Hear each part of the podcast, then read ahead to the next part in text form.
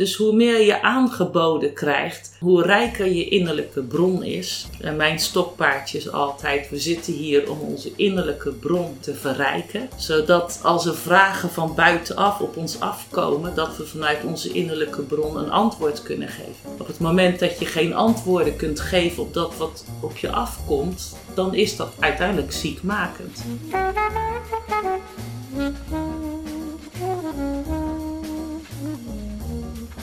U luistert naar de Therapeut Podcast, een wekelijkse podcast waarin ik, Peter Voortman, openhartige gesprekken voer met therapeuten over hun professie, patiënten en zichzelf. Luister mee naar bijzondere, schrijnende en grappige verhalen uit de behandelkamer. Vandaag ga ik in gesprek met Jeannette Hietbrink. Ze werkt al 34 jaar op de Rudolf Steiner School. Eerst als leerkracht, nu als intern begeleider. Een gesprek over het concept de vrije school de ontwikkeling van het kind en vormen van lesgeven. Luister mee.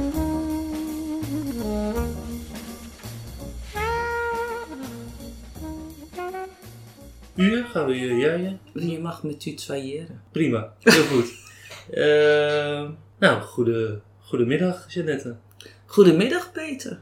Uh, we zitten hier op een, uh, op een vrije school. Klopt. Ehm, waarin verschilt een vrije school van een reguliere school?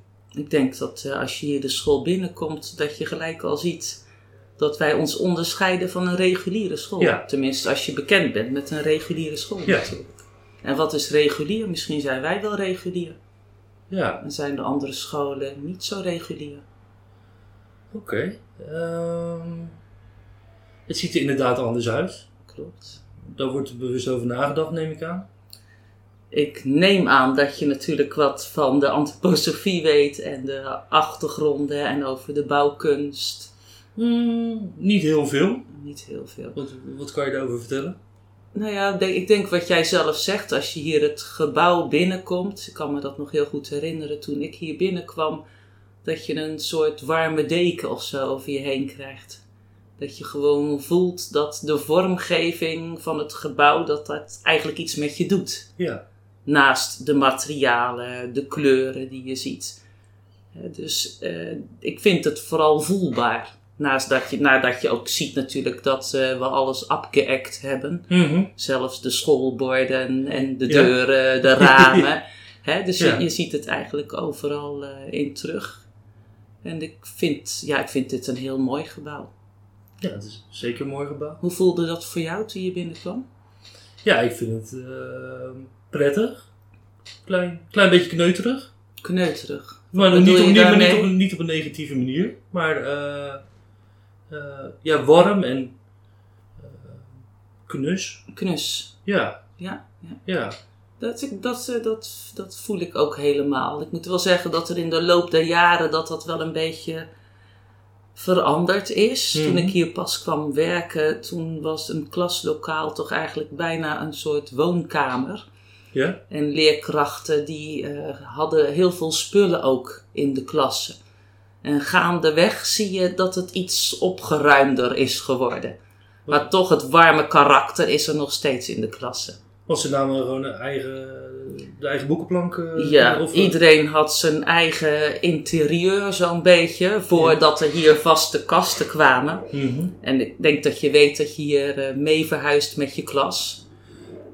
Of Nou, weet je dat Nou, niet? ik, eh, de gehele eh, basisschool door of gewoon een aantal klassen? Eh, in principe is het zo dat kleuterafdeling, wij hebben echt nog Mhm. kleuters. Hè? Wij Ja. hebben ook kleuters in klas 1 tot en met 6. En we hebben kleuterleidsters of leiders die dus de kinderen begeleiden in de kleuterleeftijd. En dan vanaf de eerste klas krijgen de kinderen een leerkracht. En het principe was dat die leerkracht zes jaar, voorheen zeven jaar, met Mhm. de kinderen meeging. Nu is dat wel hier en daar een beetje doorbroken momenteel. Omdat er ook wel echt leerkrachten zijn die zeggen, nou, klas 1, 2, 3, dat, dat is echt mijn ding. En daarna vind ik het lastiger worden. En zo is het ook zo Ja. dat er leerkrachten zijn die ja, juist die hogere klassen heel prettig vinden. Maar in principe was het zo dat je dus met de kinderen meeging. En dan teruggaande naar eh, waarom we hier nu over spreken. Mhm. hè. Leerkrachten hadden dus vroeger hun eigen eh, spullen die allemaal meegingen. En dan aan het einde van het schooljaar, dan werd alles uit die klas gehaald. Dat werd allemaal eh, in de gangen gezet en in onze grote aula. En dan vlak voor het begin van het nieuwe schooljaar moest dat natuurlijk allemaal weer de volgende klas uh, ja, ingesjouwd worden. En het was echt een ware volksverhuizing, was dat. En ja.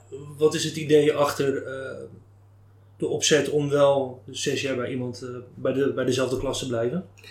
Het, de opzet of het idee daarachter is dat je echt de kans krijgt om de kinderen te leren kennen.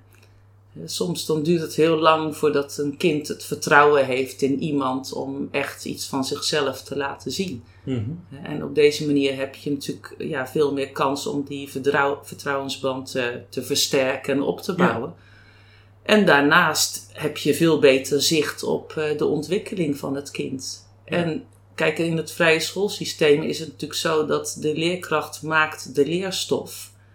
Maar ja, dat draagt ook met zich mee. Dat, dan moet je eigenlijk wel meegaan, wil je precies weten hoe je het hebt aangeboden.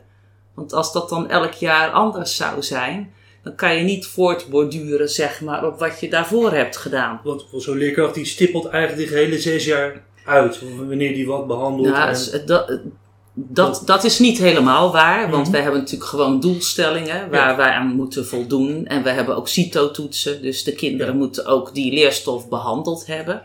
Alleen de manier waarop je het aanleert, mm dat is natuurlijk juist het gedachtegoed, wat Rudolf Steiner ook zegt. Hè. Je kan pas iets enthousiast eigenlijk overbrengen als je het zelf eigenlijk eerst doorwerkt hebt en dat op een enthousiaste manier ook aan de kinderen kunt. Uh, kunt overbrengen.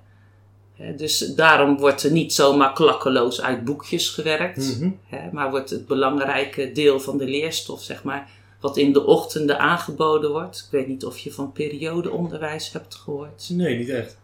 Nou, je bent vrij blanco, hè? Ja, nee, ja, ik had eigenlijk de beginsituatie iets anders moeten inschatten. En we hebben periodeonderwijs. Dus dat betekent dat we elke ochtend uh, momenteel, het is iets verlengd, van half negen tot kwart voor elf werken we aan één onderwerp. En dan heb je dat uh, drie of vier weken lang. Dus bijvoorbeeld in de vierde klas gaan de kinderen uh, de breuken leren. Mm -hmm. En dan heb je vier weken lang elke ochtend van half negen tot kwart voor elf heb je dat onderwijs. En dan kan je heel diep zeg maar in de leerstof kan je dringen. En ja, dat onderwijs, dat moet je zelf vormgeven. En dat is natuurlijk ontzettend leuk, want dan ga je nadenken ook. Ja, je kan ja. natuurlijk aan je collega's vragen, hoe heb jij het gedaan? Mm -hmm. En dat moet je ook zeker doen. Maar het is ook heel erg leuk natuurlijk, van goh, hoe ga ik dat nou overbrengen? Wat haal ik allemaal uit de kast? Ja. Wat, wat hebben ze nodig, zodat er een, uh, een vonkje gaat komen? Dat ze er warm voor gaan lopen. He, want dat wil je met ja. je onderwijs. En als je dat dan niet uit een boekje doet, uh, hoe, welke voorbeelden zijn er dan hoe dat gedaan nou, wordt? Je moet dus bij jezelf nadenken. Stel je nou voor dat mm -hmm. jij aan kinderen iets over breuken wil gaan vertellen. Ja. Nou, dan zou je kunnen beginnen met het woord breuk. Mm -hmm. Waar hoor je dat nou eigenlijk overal? Er kan ja. een breuk in de aarde zijn, mm -hmm. een breuk in een relatie. Dat kan een ingang zijn. Ja, dat je gaat kijken van wat is dat nou voor woord? Hè, waar komt dat nou voor? En scherven brengen geluk, dat zijn ook breuken. Mhm. Maar zijn dat dan dezelfde breuken als dat je een half brood neemt? Hè, is een half is toch iets anders dan die scherf. Ja. Hè? Dus je gaat eigenlijk doordat je zelf nadenkt van wat is nou eigenlijk de essentie van wat ik ze ga leren? Hè, is het de bedoeling dat je op uh, creatieve ideeën komt? En op die manier kan je dan ook kunstzinnig uh, vorm geven aan uh, de inhoud van de lesstof die je gaat brengen. Mm -hmm. En zo'n periode intensief uh, met één onderwerp bezig zijn, wordt het daarna ook nog herhaald? Of wat, ik zit me zo af te vragen van, stel dat je dat, in welke groep Breuken komt in de vierde klas. Vierde. Ja, weet je dat, gaat het dan in de uh, volgende jaren, wordt dat dan weer meegenomen? Of leert een kind zo, zo sterk dat dat, dat blijft ook gewoon zitten in de- tot aan de, de zevende klas? Ja, was het maar zover. Hè? Ja. Ja, Alles wat je hebt aangeboden, dat dat blijft zitten. Nee, dat is toch echt een illusie.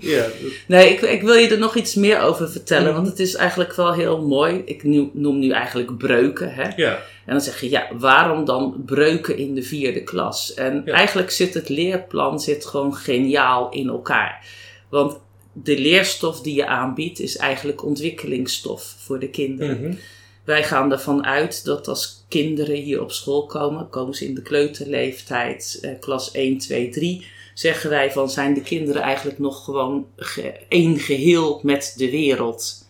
Dat kan je bijvoorbeeld eh, merken aan dat kinderen gewoon sommige dingen niet zien of niet doorhebben, omdat zij gewoon nog in hun wereld leven. ja. Pas in de vierde klas, dat noemen wij een soort ik-inslag, dan zie je dat er een scheiding gaat komen tussen de buitenwereld en de binnenwereld van het kind. En daarom ga je dan ook breuken doen, hè? want Mhm. daar komt ook een scheiding. Ja. Dus dat past eigenlijk heel mooi eh, bij elkaar. En dan kom ik terug op jouw vraag. Doe je dat dan alleen in die periode? Nee, in die periode, zeg maar, eh, eh, breng je dat nieuwe onderwerp in en ga je daaraan werken. En vervolgens zul je heel veel moeten gaan oefenen en moeten gaan herhalen. Maar zeg maar, het, het brengen van de nieuwe leerstof, dat doe je in de periode en daar maak je een mooi geheel van. Mhm. En vervolgens moet je daarop voortborduren en moet je gaan oefenen. We hebben heel veel periodes, verschillende periodes. En, dat, en die periodes die hangen dus altijd weer samen met de ontwikkelingsfase van de kinderen. Die kunnen de kinderen daarin ondersteunen en daar kunnen ze zich op dat moment dan ook heel goed in herkennen en in vinden. Omdat ze zelf ook zeg maar in die fase zitten. En zijn dat eh, levensjaren of, of, ki- of kijk je naar het kind zelf van nou... Die die periode gaan we doen. ja of, of- Dat is het leerplan van onze Ja. vrije school. Dus daar hoeven we Mhm. zelf gelukkig niet meer over na te denken. Want dat heeft Rudolf Steiner helemaal prachtig in elkaar gezet. Ja. Vanaf de kleuter zeg maar tot en met Mhm. de twaalfde klas. Hè, Ja. Want het gaat hier tot en met de zesde. Mhm. En die periodes die zijn aangegeven. Nou, in de eerste klas krijgen de kinderen vooral eh, rekenen en taal en heemkunde. Heemkunde, dat is eigenlijk de wereld om je heen Mhm. de bomen, de bloemen, noem alles maar op wat hun eh, interesse heeft eh, in de natuur. In de tweede klas is dat ook zo. En dan in de derde klas, dan krijgen ze er huizenbouw bij. Ze krijgen de ambachtenperiode. Ze gaan het over de granen hebben, over de boer. Vierde klas dan eh, komt inderdaad, eh, de breuk is natuurlijk een heel belangrijke periode. Maar dan krijgen ze bijvoorbeeld ook dierkunde erbij vijfde klas, eh, oh ja, vierde klas nog de aardrijkskunde. Dan gaan ze hun eigen omgeving, zeg maar, dichtbij gaan ze eh, bestuderen en beleven en ervaren. Dan krijg je dan hier de Rotterdam-periode, dat we in Rotterdam zitten. Zesde klas eh, krijg je de plantkunde, komt de geschiedenis, economische aardrijkskunde. Eh, even kijken, zesde hebben we natuurkunde, mineralogie heb je in de zesde klas. eh, klimaten heb je in de zesde klas. Eigenlijk, dat zijn hele prachtige periodes Ja. eigenlijk, waarbij je met die kinderen helemaal in die leerstof duikt en waar ze ook eigenlijk altijd het meest enthousiast voor zijn. Ja, dat- ik heb dan eh, niet op een vrije school gezeten. Dat klinkt, eh, dat klinkt anders. Ja, het klinkt heel anders. Ja. Het, en weet je wat eigenlijk het leukste, Mhm. als je kinderen spreekt die op de vrije school hebben gezeten, Mhm. da- dan moet je ze eigenlijk altijd vragen van, goh, wat, wat kun je er nog allemaal van herinneren? Wat, wat vond je nou heel erg leuk eraan? Mhm. En dan krijg je eigenlijk terug wat de pareltjes van je onderwijs eigenlijk zijn. Hè, dat zijn de periodes, de jaarfeesten die we hier vieren en de vertelstof. Weet je iets van de vertelstof ook? Of Nee. ook niet zo? In de kleuterklas vertellen we sprookjes. Ja. In de eerste klas vertellen we ook sprookjes. Het zijn eigenlijk hele rijke beelden. Met, Mhm. met, ja, het zijn eigenlijk oerbeelden. Het gaat een beetje ver om daar nu heel uitgebreid over te vertellen. Maar eigenlijk zijn dat oerbeelden die je eigenlijk de kinderen meegeeft. In de tweede klas hebben we heilige legenden en fabels die we vertellen. Mhm. In de derde klas is het het Oude Testament. In de vierde klas Germaanse mythologie. In de vijfde klas Griekse mythologie. En in de zesde klas wordt over de Romeinen verteld.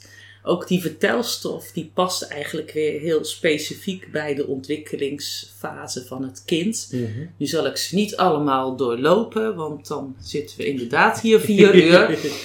Maar eh, een voorbeeld is, kijk, als je kijkt naar de Romeinen, die hadden een soort expansiedrang. Die Mhm. wilden hun rijk groter en groter en groter maken. Die Romeinen die hadden het forum waar ze met elkaar discussieerden. Ze waren grenzen aan het verleggen. En dat is eigenlijk wat je met- bij een zesde klasser ook ziet. Een zesde klasser die heeft ook expansiedrift. Zeker naarmate het schooljaar eindigt, wil die ook wat nieuws gaan doen en zijn wereld groter gaan maken. En die wereld gaat ook groter worden hè, als ze naar de middelbare school gaan. Een zesde klasse die wil in discussie met de leerkracht. In de vijfde kunnen ze het nog accepteren. Dus als je zegt, nou, dat gaan we nou gewoon zo doen. En in de zesde van, ja, maar meester of juf, maar waarom wil je nou dat we dat op die manier doen? Daarom in de zesde klas eh, gaan kinderen ook eh, met elkaar debatteren. Dan maak je twee groepen en dan geef je een stelling. En nou, probeer het maar eens te verdedigen. Dus in die zin is het heel mooi hoe het hele leerplan, wat voor ons eigenlijk gemaakt is, dat je ook daadwerkelijk ziet dat het past bij de kinderen van die leeftijd. Ja. Ah. Je hebt bijna geen tijd om vragen te stellen. ik, eh, heb je zelf op een vrije school gezeten? Nee, ik heb Nee. zelf niet op een vrije school gezeten. Maar ik heb, dat was wel een beetje de hippie-tijd toen ik op de lagere school zat. Mhm. Dus eh, mijn lagere school, daar hadden de leerkrachten lange haren, spijkerbroeken en kraaltjes. En eh, ze wa- het was een hele creatieve Mhm. eh, school eigenlijk. Er werd heel veel aan kunstzinnig werken gedaan, aan toneel. Dus eigenlijk heb ik best wel heel veel meegekregen, gewoon toch op dat gebied, denk Ja. ik. Ja. Maar ik heb zelf geen vrije school gedaan. Nee, klopt. En hoe, hoe, hoe ben je hier dan terechtgekomen? Ja, hoe ben ik hier terechtgekomen? Ehm ik weet dat ik eh, op de opleiding zat, op de Pedagogische Academie. En dat ik dacht, dit is het niet helemaal. En toen was er een leerkracht die gaf pedagogie aan zijn kinderen die eh, zaten op de vrije school. En natuurlijk in zijn lessen eh, kon hij natuurlijk toch niet laten om zijn warme gevoel en Mhm. zijn ideeën van de vrije school, om die toch aan zijn studenten door te geven. En toen heb ik aan hem gevraagd, ik zeg, goh, ik zeg, hoe kan ik nou op die vrije school terechtkomen? Want ik heb daar echt wel interesse in. En toen zei hij van, als je daar moet komen, dan kom je daar wel. Dat is natuurlijk een typisch antwoord. en eh, toen was ik, ik was nog niet eens afgestudeerd. Vroeger eh, was het drie jaar, de pedagogische academie. En toen was ik 19 en toen had ik dus mijn hbo-opleiding. En toen hadden ze hier een leerkracht nodig. En in die tijd was er, eh, ja, eigenlijk, er was veel te veel werk voor leerkrachten in tegenstelling tot nu. Mhm. Dus het was heel moeilijk om een baan te vinden. Dus ik had me al ingeschreven voor een studie rechten. Ik denk dat gaat het toch niet worden. Toen zag ik een advertentie. Ik denk, nou, ik kan het allicht proberen. Dus eh, in de trein hier naartoe heb ik eh, snel wat boeken zitten bestuderen van Rudolf Steiner en zijn pedagogie. En eh, toen heb ik een gesprek gehad en toen werd ik aangenomen. En toen begon het avontuur natuurlijk. Want je weet eigenlijk niks. Dus zo is het eigenlijk gekomen. En ik heb heel veel begeleiding gekregen toen ik hier kwam werken. Mhm. Want het is natuurlijk ook nodig. Want Ja. elk jaar is anders. Je kan niet zeggen na een jaar, nou dat gaan we nog een keer doen. Dus er was heel veel begeleiding. Dus daar ben ik heel erg blij mee geweest. En ook begeleiding wel van ouders die natuurlijk hier al lang kinderen hadden. Mhm. En eh, zodoende eigenlijk. De, de basis is dus eh, ontworpen door Rudolf Steiner. Maar is dat nu nog ook in ontwikkeling? Of? Kijk, er zijn gewoon een aantal eh, basiselementen die gewoon nog steeds gelden. Mhm. Maar het is natuurlijk niet zo dat alles wat hij heeft gezegd, en dat is ook nooit zijn bedoeling geweest, dat je alles klakkeloos aan moet nemen. Hij heeft ons heel veel gedachtegoed gegeven en dat vind ik juist wel een heel mooi woord. Want ik denk bij alles is het belangrijk dat je het, eh, dat je het leest, dat je het overweegt en dat je kijkt hoe jij het kan inpassen in hoe jij naar de wereld kijkt en hoe jij met de dingen om wil gaan. Mhm. Natuurlijk is het wel zo, er zijn hier ook best wel wat ongeschreven regels. Wij, we houden van eh, natuurlijke materialen, we houden van echte muziek. We zetten niet eventjes een cd'tje op, eh, we zetten de kinderen niet eh, voor de tv. Hè, dat, dat zijn gewoon basisprincipes en die vinden we belangrijk. Maar je moet ook weer niet dogmatisch zijn. Hè, en dat is wel iets wat er toch wel de laatste jaren, waar daar toch iets meer souplesse is gekomen. Als jij een toneelstuk hebt en je kan echt niet een half orkest vinden voor dat stukje wat je nodig hebt, dan zal niemand erover struikelen dat je een muziekje opzet. Mhm. Ik denk, toen Ja. ik hier kwam werken, kon je dat niet doen. Hè? En nu kan dat wel. En zo, kijk, er zijn natuurlijk heel veel ideeën die, die, eh, die, we steeds, die we blijven gebruiken, omdat ze heel waardevol zijn.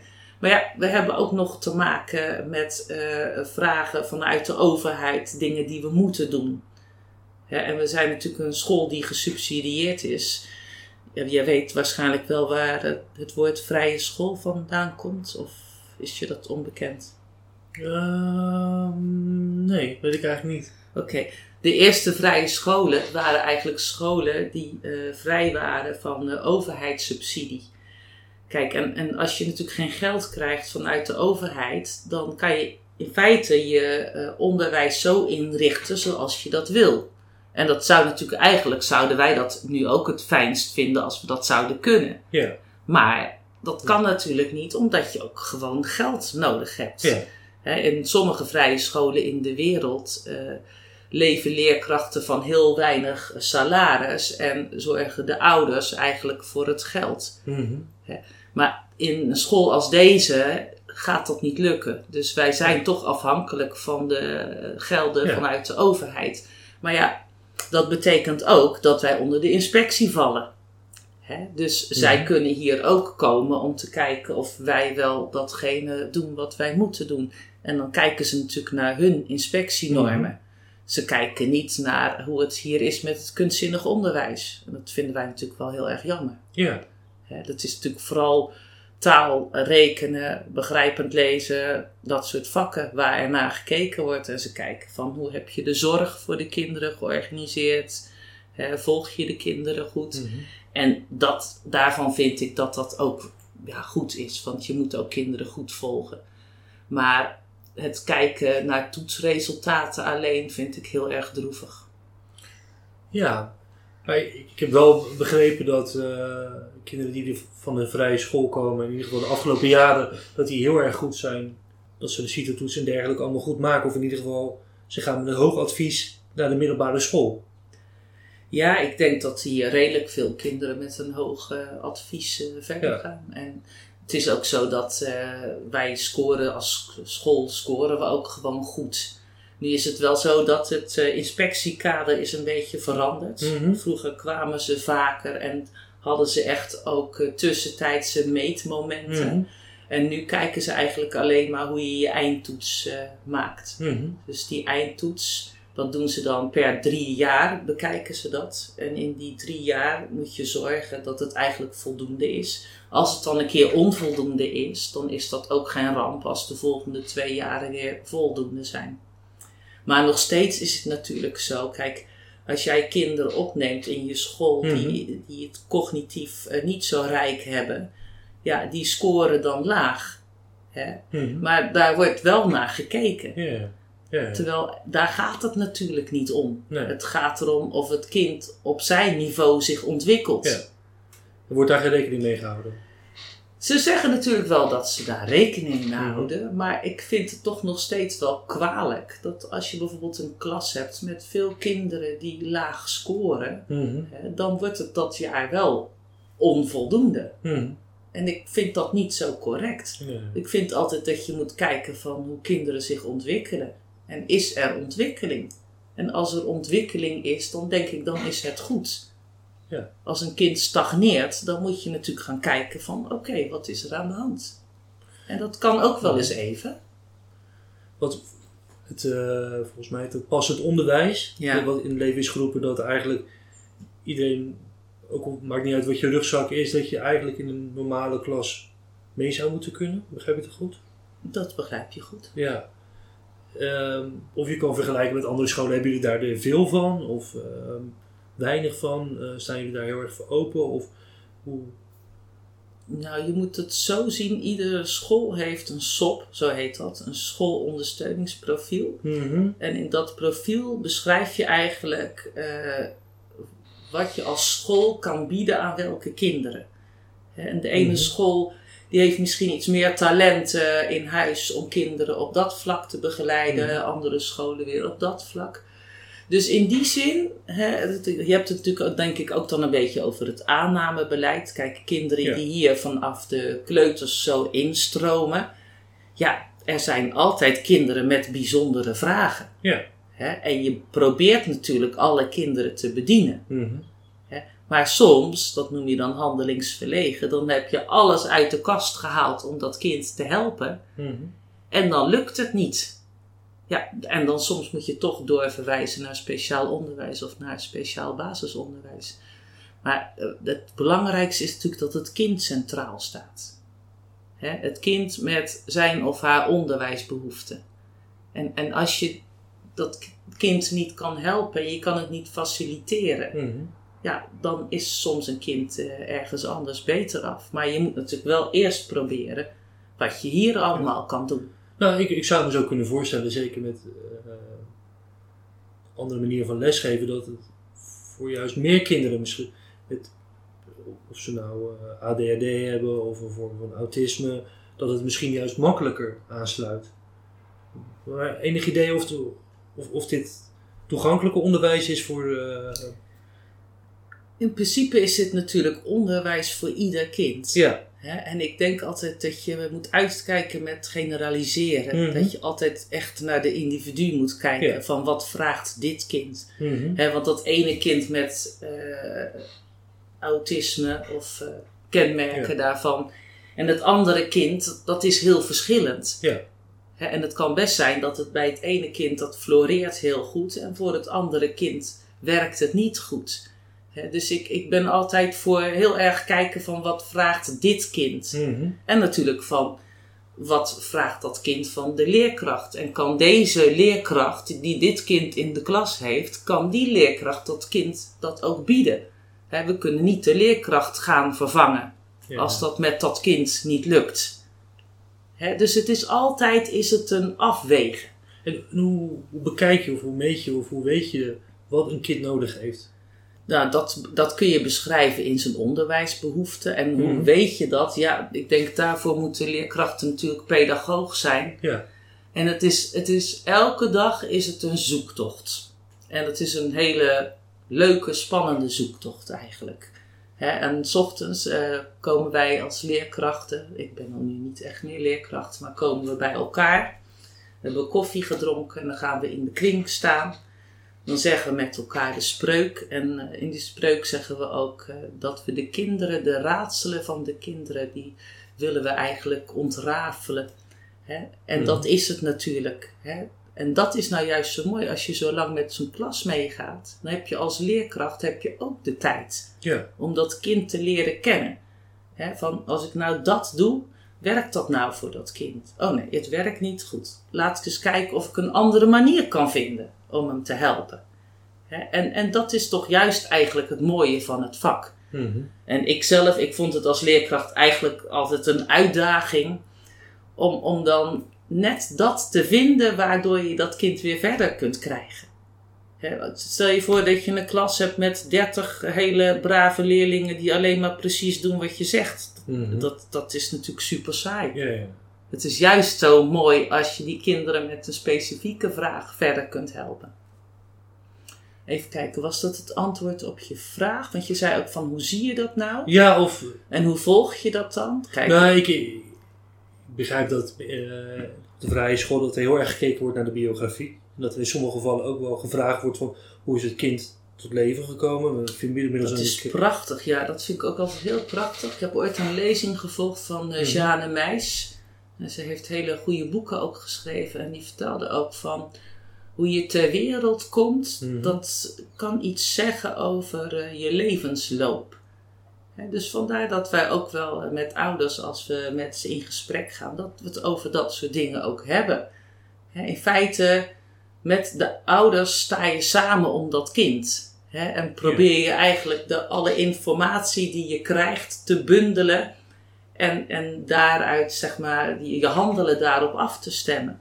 Maar je kan het ook niet altijd alleen. Hè? Want soms heb je ook een blinde vlek als leerkracht. Dus wat we ook wel doen, ik ben natuurlijk nu intern begeleidster. Dus dat ik eens meekijk van, goh, hoe gaat het nou met een kind? En heb je dat geprobeerd of dat? Daarnaast zijn we ook nog, eh, zitten we in een samenwerkingsverband. Dat heet eh, PPO. En dat samenwerkingsverband helpt ons ook weer om kinderen te helpen. We hebben een contactpersoon. Die kunnen we ook vragen. Goh, kan je eens in de klas eh, gaan, gaan kijken. Dan kan een leerkracht tips krijgen. Dan kan er nog een ambulante begeleider, dat is nog eigenlijk weer specialistische, kan komen kijken. Je gaat een plan opstellen van, goh, wat gaan we nou allemaal proberen? Wat zijn onze doelstellingen? En op die manier probeer je dat kind te helpen. Nou ja, dat helpen, dat is eigenlijk nog veel uitgebreider. Mhm. Je kan ook zeggen van, goh, nou, laten we alsjeblieft dat kind naar de huisarts sturen, want misschien moet er een onderzoek gedaan Ja. worden. Want we hebben niet voldoende handvatten om dat kind te helpen. Of je kan zeggen, nou, ga eens naar eh, de Heliant, naar het therapeuticum. Misschien zou eh, schildertherapie eh, Mhm. goed voor dit kind zijn, of noem maar op. Daarnaast hebben we ook nog gewoon regulier helpen van kinderen. We hebben een remedial teacher. We hebben een klasseassistent, die eh, leerkrachten die ja, lezen extra met kinderen, geven extra uitleg. En dan hebben we ook nog een eurythmiste, die doet eh, ja, oefeningen, beweegoefeningen met kinderen. Zodat ze eigenlijk ook ja, de motoriek eh, kunnen versterken, kunnen oefenen. Wat eigenlijk dan ook weer voor het leren kan helpen. Dus er zijn eigenlijk heel veel mensen, zo in en om de school, die allemaal met, met de kinderen zo bezig zijn. Dat is het mooie van het vak natuurlijk. Ik, ik hoor wel eens dat. eh, van ja, het, het is super warm en super mooi, zo'n eh, zo'n vrije school. Maar dat het ook nog wel eens hard kan zijn als de, de buitenwereld dan intreedt. Dat het een klein beetje. Het is een hele warme bubbel. Dat, dat, dat, eh, zou ik in ieder geval iedereen gunnen. Maar dat de. Ja, dat het nog wel eens de, de realiteit daarbuiten, als je buiten die bubbel komt, dat het nog wel eens hard kan zijn. Heb je dat van mensen zelf gehoord of dat heb je gehoord Dat, ergens? dat, dat, dat- nou, dat, heb ik gehoord en eh, misschien ook wel eens gezien, of nou, misschien is het een invulling van, van mezelf, maar ik kan het me ook zo voorstellen. Want de warmte die ik, eh, die ik hier voel, die, die heb ik vroeger voor niet op de school. Het was niet verschrikkelijk of zo, maar dat, eh, het is wel een verschil. Ik denk, eh, begrijp je wat ik zeg? Ja, ik snap heel goed wat je, wat je zegt. Ja. En eh, ik denk ook dat dat voor sommige kinderen kan dat zo zijn. Hè? Eh, sommige kinderen die, die zijn heel erg toe aan een nieuwe stap. Hè? Kijk, en als ze natuurlijk naar eh, de bovenbouw gaan, de vrije, de vrije school, Mhm. dan is die overgang is natuurlijk niet zo groot. Nee, nee. Hè, dus dan gaat dat eigenlijk, verlo- verloopt dat best wel vloeiend. Maar er zijn ook kinderen die naar andere scholen gaan. Ja. Die, die het ook heel leuk vinden en het heel interessant vinden. Maar Mhm. natuurlijk zal het ook altijd wel een overgang Ja. zijn. Maar aan de andere kant denk ik ook van. Eh, stel dat dat lastig is, dan Mhm. hoop je dat je die kinderen in de tijd dat ze hier zijn geweest, dat je ze dat mee hebt kunnen geven om te dealen met dat wat ze lastig vinden. Ja, dat ze daar dan toch hun weg gaan vinden. Want daar wil je toch tot opvoeden. Hè? Mensen die toch gewoon hun weg durven te volgen en die, die het avontuur van het leven aangaan. En wordt daar ook actief over nagedacht? Of eh, is dat. Dat, dat, dat zou er gewoon in moeten passen? als het goed is, hoort dat Ja. natuurlijk bij je hele leerplan. Hè, waar je toch, zo zie ik dat heel sterk. Hè. Nu, ik kan natuurlijk niet spreken voor iedereen. Hè. Mhm. Dat is toch, toch ook heel sterk mijn idee. Maar dat je, dat je de mensen gewoon voorbereidt. En wat ik ook altijd heel mooi vind aan het leerplan, als het dan over religie gaat, hè, Mhm. Dat, je, dat wij zeggen van ja, we willen de kinderen heel veel aanbieden, hè, ook van verschillende religies. Want dan kan je ook een keuze maken.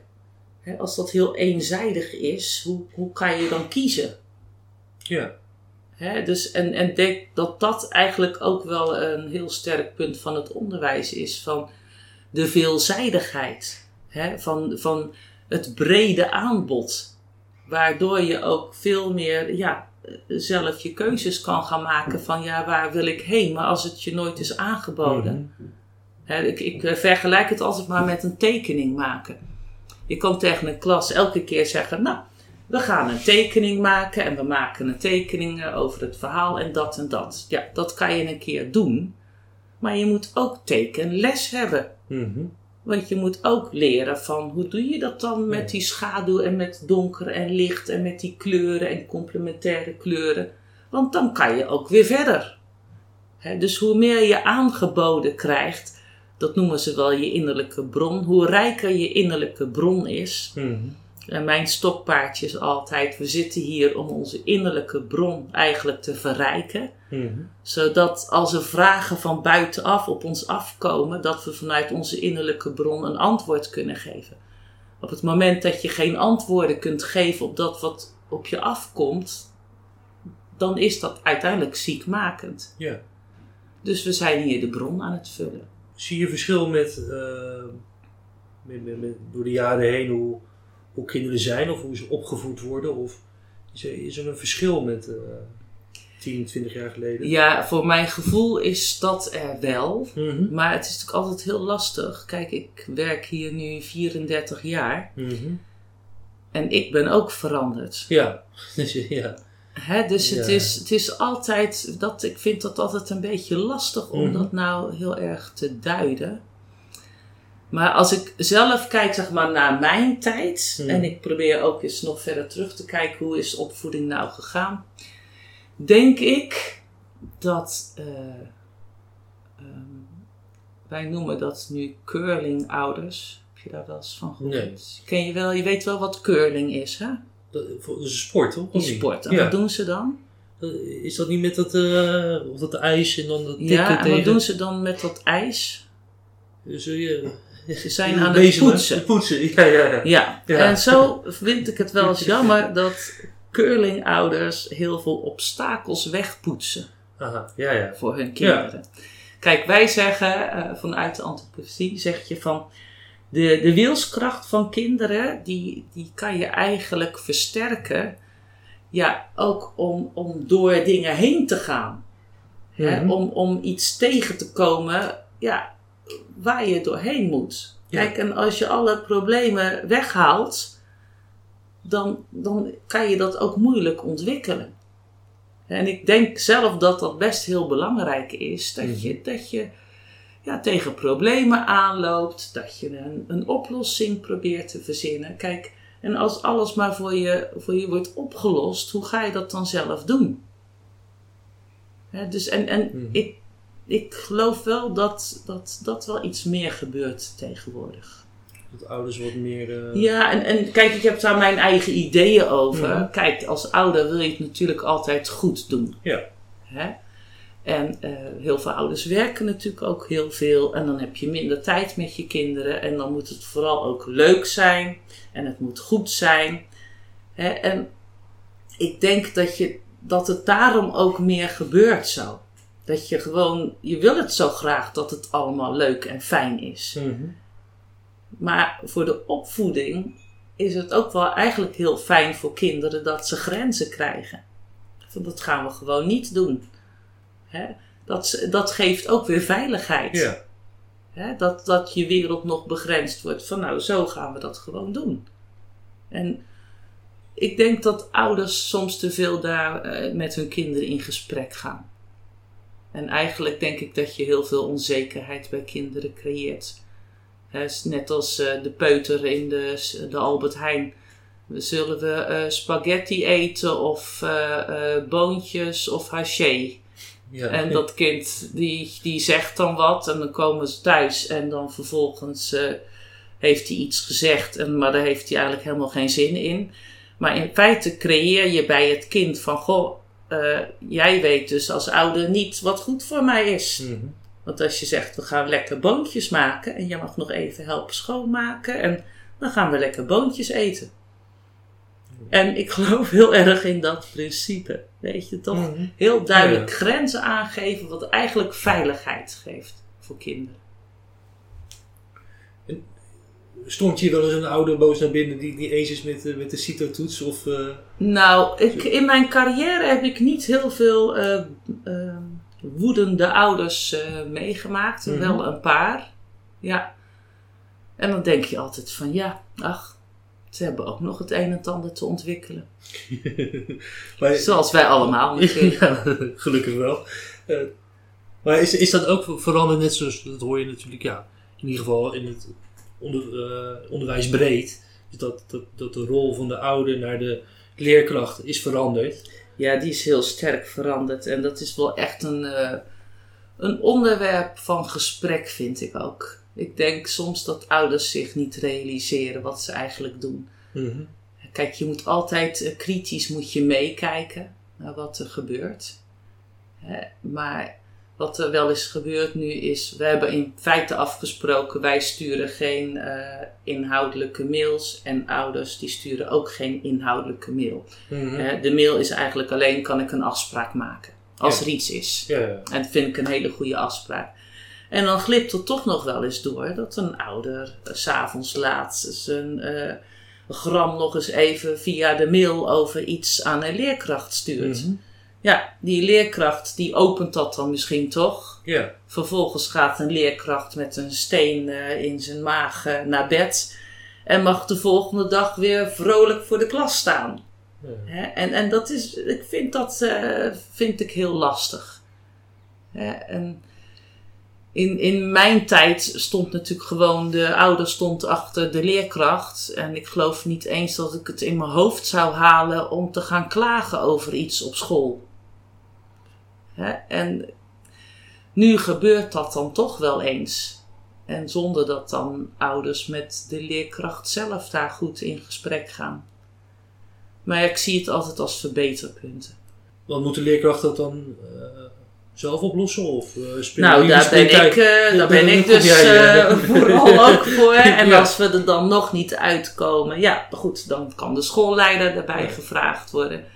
Kijk, maar je moet altijd natuurlijk met elkaar in gesprek Ja. blijven. Dat, dat is het allerbelangrijkste. Ja. Maar ik vind wel, kijk, en zo is het natuurlijk ook naar ouders toe. We moeten ervan uitgaan dat iedereen het goede wil doen. Mhm. En ook als mensen iets doen wat misschien niet handig is, dan zal het wel altijd vanuit een goede bedoeling zijn geweest. Ja. Maar de essentie waarvoor we hier zitten is het kind. En dat kind, dat, dat is het middelpunt. En dat kind moeten we begeleiden. En daarom is het belangrijk dat we samen, dat we om dat kind staan en dat we samen op één lijn zitten ook. Ja, er is veel over het onderwijs eh, te vertellen. Hè? Ja, dat, dat sowieso. Ehm, nog even over die verschillende levensfasen, of de, de verschillende fases van de. In de ontwikkeling In de van het ontwikkeling. kind, Ja. want als, ik, als ik het dus goed begrijp, de eerste fase is eigenlijk: het kind is nog eh, één met de wereld. Misschien nog zijn lichaam aan het verkennen. Is, is- rent een beetje rond. En, of ja, aan het aftasten. Dan krijg je dat het zich gaat onderscheiden van de wereld. En dus een ik, ik en zij eigenlijk. Ja, dan komt er een, een breuk, zoals je zegt. Eh, wat, wat is daarna de stap? Ontwikkeling? wat je nu noemt, dat zijn Ja. zeg maar specifieke eh, periodes in die ontwikkeling. Mhm. Maar eigenlijk gaan we uit van zevenjaars ontwikkelingsfase. Oké. Dus de eerste is eh 0 tot met 7, 7, 14, 14, 21, 21, 28. En dan is het eigenlijk echt de volwassenheid. Ja. Hè, en waar wij hiermee te maken hebben, is natuurlijk vooral ja, het eerste stukje, Ja, ja. hè, tot en met eh zeven jaar. En eigenlijk zeggen we ook van ja, die zevenjaarsperiode die wordt meestal met de tandenwisseling krijg je een uh, omslag. hè. Mhm. In de geschiedenis ook, ja, we hebben periodes, maar het is niet van de een op de andere dag. Hè, zo is het met deze periodes ook. En de tandenwisseling is eigenlijk vaak het moment dat je zegt van ja, dan is een kind is ook eh, leerrijp. En dan hebben wij hier vooral natuurlijk te maken met dat kind van eh 7 tot 14. Ja, die kinderen die zitten hier natuurlijk. En dan komen de volgende twee periodes. Nou, in die fases, die verschillende fases, je, je weet misschien wel dat wij uitgaan van denken, voelen en willen. Mhm. En die, dat denken, voelen en willen, die zijn in bepaalde delen van die zevenjaarsperiodes, zijn ze sterker eh, aanwezig of laten zich sterker zien. Mhm. En er is ook elke keer een, een metamorfose daarvan. Ik, het is best een heel ingewikkeld verhaal, maar ik ga proberen Ja, bijvoorbeeld één voorbeeld daarvan te geven. Als je bijvoorbeeld kijkt naar het, eh, het wilsleven. Soms dan zeggen ze wel eens een kind van drie die staat eh, te drammen van zo, die heeft een eigen willetje. Maar wij noemen dat bijvoorbeeld nog niet de wil. Mhm. De echte wil, die komt gewoon wat later.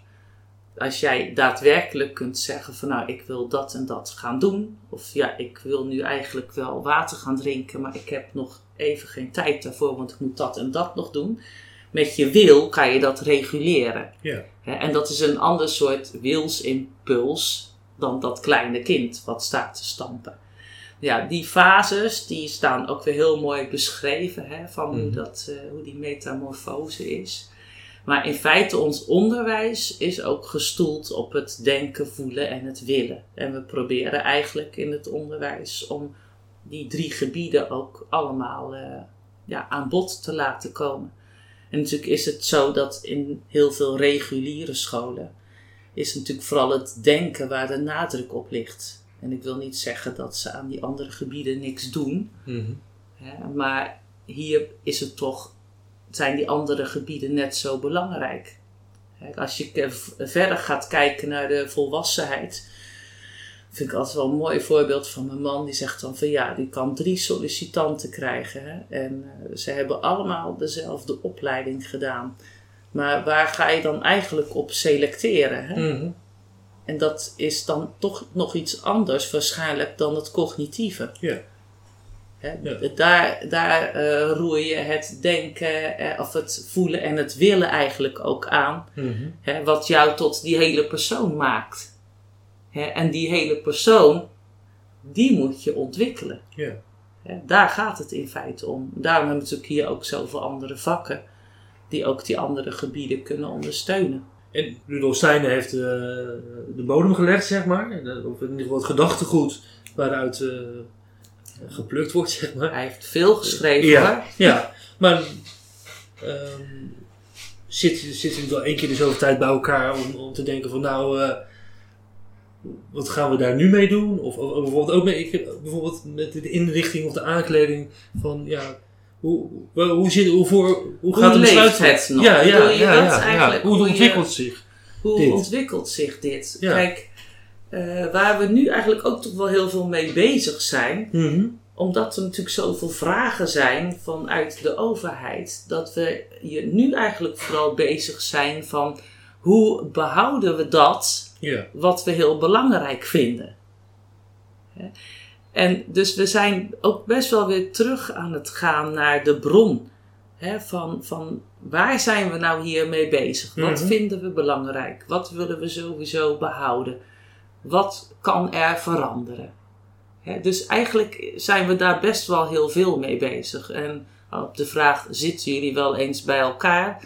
Wij zitten heel veel bij elkaar.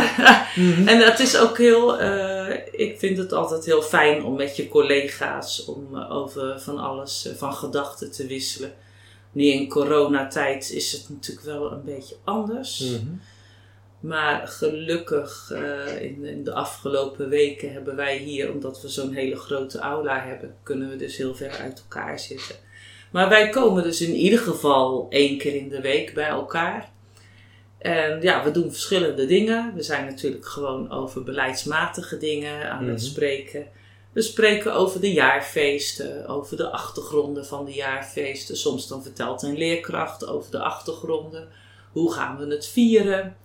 Uh, we hebben nu ook weer sinds een tijdje dat we met elkaar kunstzinnig werken doen. Uh, van uh, de technieken die hier gebruikt worden, de vakken, dat we dat ook weer samen beleven. We lezen uit boeken van Rudolf Steiner Mhm. en we bespreken de inhoud. Soms eh, is het voor ons ook best nog wel heel lastig als je Algemeine Menskunde, die misschien ooit nog wel eens gaat lezen.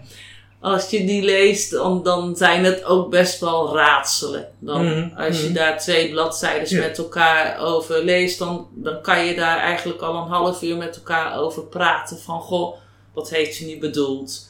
En ook wel van, goh, hoe zou hij daar nou naar kijken in deze tijd? Wat, wat zou hij daarover zeggen? Het, het moet natuurlijk nooit star zijn. Ja. En Rudolf Stein heeft ook juist altijd gezegd van het moet levendig zijn. Dus daarom moet je altijd met elkaar blijven kijken van goh, wat, wat doen we ermee? Dus eigenlijk een soort van organisch, democratische manier. Ik denk het wel, zo kan je dat wel zeggen. Ik denk Ja. ook dat dat heel goed is. Ik denk, als je star bent, dan komt er ook niks meer in ontwikkeling. En er is ook niet een overkoepelende vrije schoolorganisatie die Ja zegt... hoor. Ja. Er zijn, ja natuurlijk, de, de Bond van Vrije Scholen. Mhm. Maar er worden niet, zeg maar, dingen opgelegd. Nee. Hè, er worden ons dingen aangedragen Ja. waar wij eh, mee kunnen werken. Maar het is niet zo dat er ergens een orgaan zit wat eh, boekje stuurt. kijkt eh, eh, van eh, volgens mij hebben jullie iets overtreden of zo. Ja. Dat gebeurt niet. Nee, nee, nee. Nee. Oh, mooi. Dan hebben we al alles. eh, Of zijn er, nog, zijn er nog dingen die je zelf kwijt wil? ehm, zijn er dingen die ik zelf kwijt wil? Ehm, nee, ja, het enige is dat ik hoop dat, eh, dat we al het mooie van onze vrije school, dat we dat kunnen behouden. Mhm.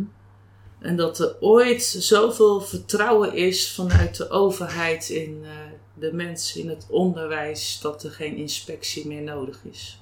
Wat, wat zien jullie de inspectie echt als een soort van tegenstander? Nou, ik kan niet eh, als jullie spreken, Mhm. maar ik zelf Ja. heb het idee dat het onderwijs er toch nog wel iets anders uit zou zien als we niet aan allerlei eisen zouden moeten voldoen. Ik Hmm. denk dat ons onderwijs nog rijker zou kunnen zijn. U luisterde naar de Therapeut podcast. Abonneer u via uw favoriete podcast app en krijg elke week automatisch een nieuwe aflevering. We horen graag uw mening. Vragen, opmerkingen of suggesties kunt u sturen naar info.detherapeutpodcast.nl of laat een review achter via uw podcast app.